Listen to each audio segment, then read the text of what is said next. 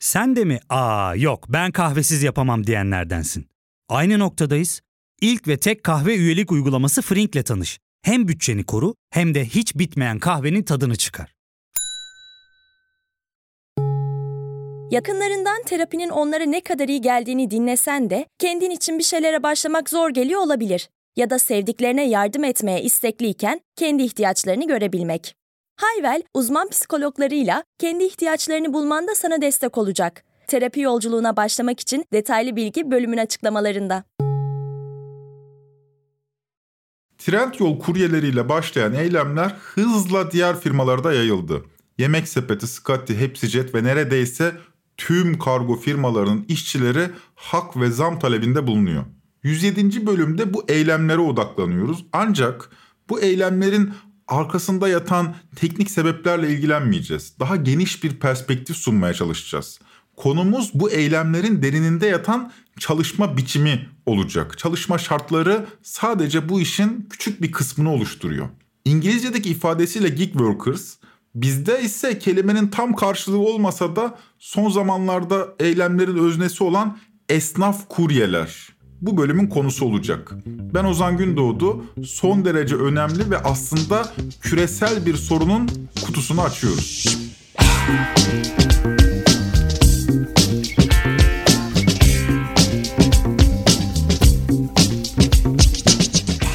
Pandemiyle birlikte kuryeler gündelik hayatımıza daha fazla dahil oldular. Bu hepimizin gözlediği bir gerçek. Hemen her gün bir marketin veya bir lokantanın veya bir kargo şirketinin kuryesi kapımıza geliyor. Hayatımızı büyük oranda değiştirdiklerini de söylemek mümkün. Ancak 24 Ocak'tan beri iş bırakma eylemleriyle de gündemimize girmiş durumdalar. Önce Trendyol'la başladı, ardından sektörün tüm firmalarına yayıldı bu eylemler. TGRT Haber spikeri Ekrem Açıkel kuryelerin hak talebini şu şekilde duyurdu. Bangır bangır Z kuşağı geliyor. Y kuşağı da işte haklarının bilincinde. Her şey değişti. Eski bildiklerinizi unutunuz. Şimdi ne istiyorlar? Son durum ne? Bir son durum fotoğrafı ve sonuç alınanları da anlatayım.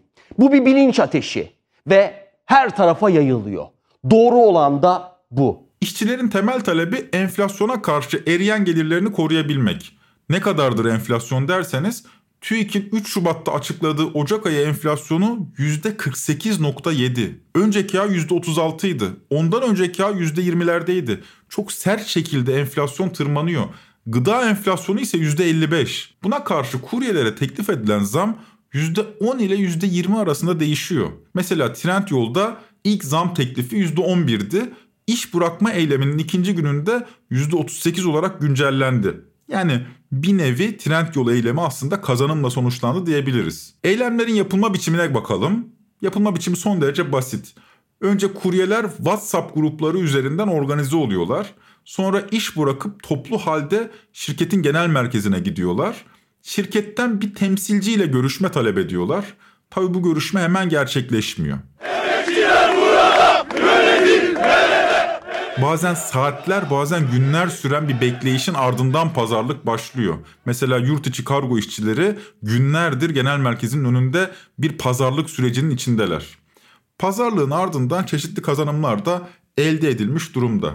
Peki bu kazanımlar gerçek mi yoksa bir aldatmaca mı? Yani elbette işçiler başlattıkları bir mücadeleyi kazanan taraf konumundalar ve talep ettikleri zamları aldılar ve muhtemelen de almaya devam edecekler. Ancak işin iç yüzü o kadar da basit değil, o kadar parlak da değil. Mesele sadece ücretlerde yaşanan zam değil. Tüm sendikaların ve tüm emekçilerin şapkasını önüne koyması, emekçi kesimlerin bir durup yeniden düşünmesi gerekiyor. Bugün size özel bir kavramdan bahsedeceğiz. Gig ekonomi ya da platform ekonomi denen yeni bir çalışma modeli Türkiye'de de yaygınlık kazanmaya başlamış durumda. Bu şekilde çalışan işçilere dünyada gig workers adı veriliyor. Dünyada Uber, Glovo, Fiverr gibi dev şirketlerdeki çalışma biçimi bu modele örnek verilebilir. McKinsey'in 2016 tarihli raporuna göre ABD ve Avrupa'da toplam 162 milyon kişi bu şekilde çalışıyor. Yani ciddi bir yaygınlık kazanmış durumda. Dünyanın son 10 yıldır geliştirdiği pandemiyle beraber ancak çok ciddi yaygınlık kazanan bir model bu. Türkiye'de tabii 10 yıllık bir geçmişi yok. Son 2 yıldır özellikle pandemiden sonra yaygınlık kazandı. En yaygın olduğu iş kolu ise e-ticaret sektörü. Sektör özellikle pandemiyle birlikte kuryelik sistemini tümüyle değiştirdi ve bahsettiğimiz bu gig ekonomiye dahil oldu. Peki nedir bu gig? Redesign kurucu ortağı Yiğit Kulabaş, 2018'de gerçekleşen Future of Work zirvesinde Gig ekonomisinden şöyle bahsediyor. Gig kelimesinin anlamını söyleyerek başlayalım aslında başta. Gig, İngilizce engagement kelimesinin kısaltılmış hali ve müzik dünyasından geliyor. Yani siz bir gitaristseniz, bir şarkıcıysanız, e, herhangi bir enstrüman çalıyorsanız, o gece bir iş aldıysanız diyorsunuz ki I have a gig tonight. Şimdi bu gig ekonomisi dönüyor, dolaşıyor ve bizim dünyamıza geliyor ve bizim dünyamıza geldiğinde aslında bence Türkçe'ye birey ekonomisi diye çevirmek çok daha önemli. Her bireyin şirketleştiği bir düzene doğru gideceğiz. Yavaş yavaş adım adım. Bizler de şirketleşeceğiz. Çocuklarımız kesinlikle şirketleşecek. Şirketleşmek kulağa güzel geliyor. Zaten gig ekonomisi içindeki şirketler de iş gücü talebini bu şekilde pazarlıyor. Kendi dağıtım işini kuracaksın. Kendi işinin patronu ol. Aracını al gel bizim için değil biz de birlikte çalış gibi böyle mottolarla emek piyasasına duyuru yapıyorlar. Aslında parlatıyorlar işi. Yani hikayeye göre siz işçi değil şirketin iş ortağısınız. Kulağa bu yüzden güzel geliyor. Ya fark ettin mi? Biz en çok kahveye para harcıyoruz. Yok abi bundan sonra günde bir. Aa, sen Frink kullanmıyor musun? Nasıl yani? Yani kahvenden kısmına gerek yok. Frink'e üye olursan aylık sadece 1200 TL'ye istediğin çeşit kahveyi istediğin kadar içebilirsin. Günlük 40 TL'ye sınırsız kahve mi yani? Çok iyiymiş. Aynen. Hatta şu anda 200 TL'lik bir indirim kodu da var. E hadi hemen indirip üye ol da bu fırsatı kaçırma. Terapiye başlamak, içinden çıkamadığın döngüleri kırmak, bazı yanlış bulduğun kararlarını değiştirmek ve kendinle beraber daha huzurlu bir yaşam inşa etmek için atabileceğin en değerli adımlardan biri. Hayvel ile yoğun yaşam tempona uyum sağlayarak online terapi seanslarını takvimine göre ayarlayabilirsin. Bini aşkın uzmandan sana en uygun terapisti seçebilir, podb10 koduyla indirimden yararlanabilirsin. Detaylı bilgi açıklamalardaki bağlantıda. Sosyalist yönetmen Ken Loach'un Sorry We Missed You Türkçe çevirisiyle Üzgünüz size ulaşamadık filmi tam da bu konuyu hem de bir kurye üzerinden anlatıyor. Film kahramanımız Ricky'nin bir e-ticaret firmasıyla yaptığı iş görüşmesiyle başlıyor. Ama yine de işin başında bazı şeyleri netleştirelim. Seni işe almıyoruz. Sen bize katılıyorsun. Buna katılmak diyoruz ve bizim için değil bizimle çalışıyorsun. Yani bizim için araç kullanmıyorsun ama hizmet ediyorsun. İşe alım sözleşmesi yok. Performans hedefleri yok. Sadece teslimat standartlarından sorumlusun. Maaş yok ama ücret var. Anlaşıldı mı? Evet. Net mi? Tabii tabii tabii. Sorun yok. İyi. Evet. Evet. Mesai saati yok. Müsait olman yeter. Bize katılınca markamızda kendi dağıtım işini kuruyorsun. Kendi kaderini kendin belirliyorsun Ricky. Aptallarla savaşları ayırabileceksin. Anlaştık mı? Bugün Türkiye'de direniş başlatan kuryeler işte bu soruya anlaştık cevabını vermişti. Çünkü bizdeki esnaf kurye sisteminde de süreç 3 aşağı 5 yukarı benzer işliyor. Ne yapıyorsunuz? Öncelikle bir şahıs şirketi kuruyorsunuz. Şirketsiniz yani siz. Daha sonra piyasadaki bir e-ticaret şirketi ya da bir kargo şirketiyle sözleşme imzalıyorsunuz. Siz artık bu şirkete hizmet veren bir işçi değil, bir başka şirketsiniz. Dolayısıyla kendi işinizin patronu gibi görünüyorsunuz. Ne güzel ifade. Kendi işinizin patronu. Yani siz aslında bir şirketsiniz. Dolayısıyla geliri olduğu gibi giderleri de olan bir iş ortağısınız. Sorumluluğunuz çalıştığınız şirkete değil kendi sorumluluğunuz var. Hizmet verdiğiniz, bayisi olduğunuz şirket sizin işinizle ilgili hiçbir masrafa karışmıyor. Aracınızı siz getirmelisiniz. Aracın tüm masrafları size ait. MTV, kasko, sigorta vesaire bunların hepsi size ait. Diyelim ki kaza yaptınız. Aracınızın onarım masrafları yine size ait. Elbette akaryakıt masrafları da size ait. Yani son zamlarla beraber aslında gelirin ne kadar azaldığını buradan anlayabilirsiniz. Sigortanız da yok bu arada. Sigortanızı siz karşılıyorsunuz. Merak edenler için söyleyelim. Sigortanızda da işçi değilsiniz. Yani SSK değil, bağ kurulusunuz. Parça başı ücret alıyorsunuz. Kuryeler için parça başı iş teslim edilen paket başına para almak anlamına geliyor. Her şirket için paket başı ücret değişiyor tabii. Ne kadar çok paket teslim edilirse o kadar çok para kazanıyorsunuz. Kazanılan para da tırnak içinde eğer çok çalışırsanız fena değil. Haftada 40-50 saat çalışırsanız aylık elinize geçen para çalıştığınız bölgeye göre değişmekle birlikte 10 bin 12 bin TL arasında değişiyor. Çok ciddi para diye düşünebilirsiniz ama biraz sabredin. Ancak günlük 12 saatten haftada 70 saatle çalışabilirsiniz. Bu durumda işlek bir bölgede çalışıyorsanız aylık 20 bin TL de geçebilir elinize. Yine güzel para diyebilirsiniz ama acele etmeyin. Fakat bu paralardan bir de biraz önce saydığım masrafları düşmeniz gerek. Konuştuğumuz kuryelerden edindiğimiz bilgiye göre masrafların oranı gelirinizin %40 ila 50'sini buluyor. Yani 10.000 TL'lik fatura kesen bir kuryenin eline geçen net ücret 5-6 bin TL ediyor. Buraya kadar saydıklarımız gig ekonominin bize anlattıklarıydı. Ancak gelin yaklaşan tehlikeye biraz daha yakından bakalım, biraz daha derinlemesine inceleyelim bu işi. Esnaf kuryelere iş veren büyük şirketler onlara işçi olmadıklarını, kendi işinin patronu olduklarını söylüyor.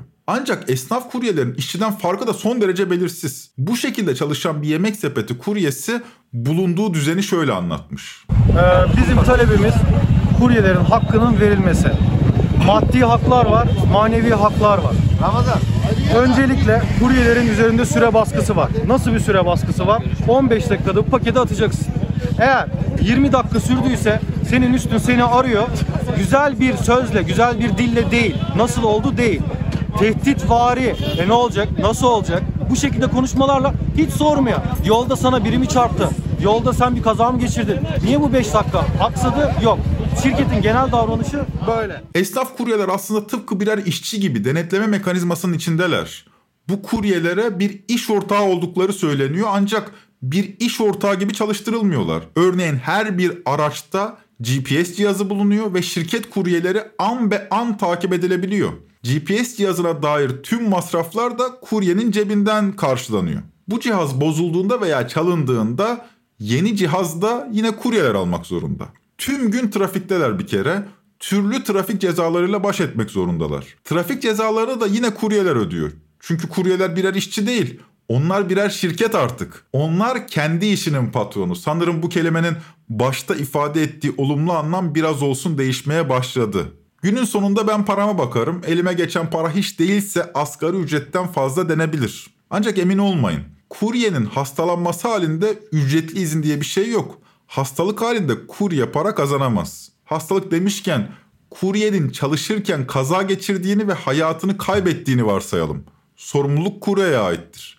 Şirketten kuryenin ailesine herhangi bir ödeme yapılmaz. Hayat sigortasını da kuryenin kendisi yaptırmalıdır. Çünkü kurye bir işçi değil bir şirkettir. Ölüm mü oluyor? Tabii ki oluyor. Bakın İzmir Motokuryeler Derneği Başkanı Burhan Akgül ne diyor?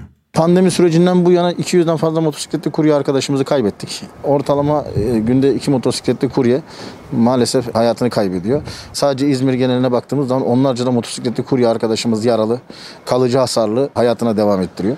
Maalesef motosikletli kuryenin yani yaptığı işten kaynaklanan bu kaporta vücudunun tamamıyla kendisi olduğu için ister istemez e, kalıcı hasarla sonuçlanabiliyor.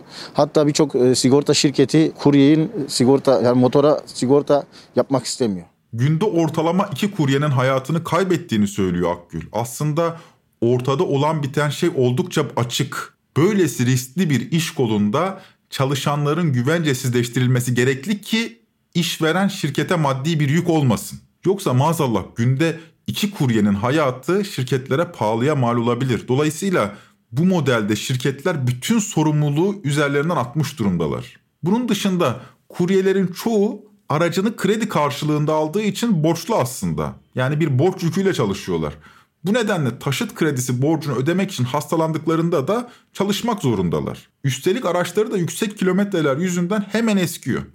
Bir getir kuryesi bu durumu YouTube kanalında şöyle anlatmış. 10 bin kilometrede satın aldığınız ikinci el bir motorun değeri 10 bin liraysa örnek de şu an o fiyatlara motor kalmadı. Siz bu işin sonunda daha fazla paket atacağım, daha fazla paket atacağım diye bir kilometre yaparken motorunuzun bir sonraki satış değerini düşürüyorsunuz. O 10 binde aldığınız motor 60 bin kilometreye geldiğinde belki aldığınız fiyata anca satabiliyor olacaksınız. Fakat o dönemde 10 bin kilometrede olan bir motorun fiyatı artık 10 değil belki 15 bin lira olacak. Yani şunu söylemeye çalışıyorum. Attığınız o her paketteki 3 lira var ya içerisinde sadece benzin olarak düşünmeyin. Yaptığınız kilometreden motorun yıpranma payını da düşür. Ya bunun kayışı var, bunun yağı var, bunun lastiği var, ya var oğlu var. Motor sürekli masraf çıkaran bir şey ve eğer ki bu kadar yüksek kilometrelerin içerisinde motorunuza bakmazsanız ekmek teknenize bakmıyor olacaksınız ve iki gün sonra kontak açamayacaksınız. Bu da ne demek oluyor? O gün hiçbir şekilde saatiniz işlemeyecek ve para kazanamayacaksınız demek oluyor. Alan razı veren razı Ozan.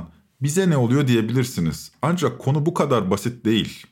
İş hukuku yapısı gereği iki eşitsiz güç arasındaki yani işçi ile işveren arasındaki ilişkiyi inceler. Bu haliyle güçsüz olanı yani işçiyi korur. İşçi gerekçesiz olarak işten çıkarılamaz. Ancak gig ekonomide siz işçi statüsünde değil, şirket statüsündesiniz. Bu nedenle iş hukukunun koruyucu düzenlemeleri sizi bağlamaz. Siz iki eşit güçmüş gibi dev bir şirketle sözleşme imzalarsınız ve bu sözleşme iş hukuku kapsamında değil, borçlar hukuku kapsamındadır. Borçlar hukuku iki eşit güç arasındaki ilişkiyi belirler. İki eşitsiz güç arasında değil. Yani sizi koruyan bir hukuk değildir. İki tarafı da korur. Dolayısıyla gig worker'ın örneğimizde olan esnaf kuryenin herhangi bir güvencesi bulunmaz. Ne demek o? Sözleşme tek taraflı feshedilirse hakkınızı arayacağınız bir iş mahkemesi bulunmaz. Sendikanız da yoktur. Sendikalı değildir çünkü işçi değilsiniz. Siz şirketsiniz. İşe iade davası bile açamazsınız. Dolayısıyla ücretler cazip diyenler bir de büyük şirketlerin gözünden meseleye baksınlar. Madem ücretler cazip, neden bu büyük şirketler bu yüksek ücretleri ödemeyi kabul ediyor? Çünkü tümüyle güvencesiz bir iş rejimi yaratmış oluyorsunuz. Bu rejim yarın öğretmenleri, doktorları, hasta bakıcıları ve birçok sayacağımız birçok mesleği de içine alacak. Yavaş yavaş almaya başladı bile. Yarın siz de böyle çalışmak zorunda kalacaksınız. Ne diyordu Redesign kurucu ortağı Yiğit Kulabaş? Bizler de şirketleşeceğiz. Çocuklarımız kesinlikle şirketleşecek. İşçi diye bir şey kalmayacak. Herkes sözleşmelere bağlı çalışacak.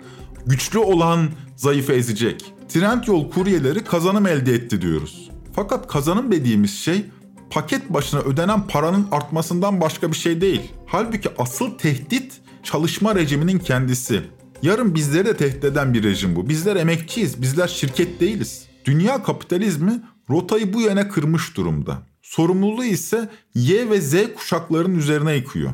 Yani gençler egolarını tatmin etmek, kendilerini gerçekleştirmek, tutkularının peşinden gitmek için böyle çalışmak istiyor diyorlar. Ancak acaba Y ve Z kuşağının emekçileri yaklaşan tehlikenin farkında mı? Sanayi devriminden bu yana işçi sınıfının elde ettiği hakların hemen hepsinin çöpe atıldığını bizlere anlatıyor mu bu hikayeyi pazarlayanlar? Öyleyse bölümün sonuna gelirken bu sorunu anlatan bir film önerisiyle bitirelim. Başta da belirtmiştik. Gig ekonomisini ve her gün kapımıza gelen kuryelerin nasıl çalıştığını ve gelecekte bizleri bekleyen tehlikeyi anlamak adına ödüllü yönetmen Ken Loach'un Sorry We Missed You filmini hararetle tavsiye ediyoruz. Trend Topi'yi Podbi Media ile beraber hazırlıyoruz. Bir sonraki bölüme kadar dayanışmayla kalın.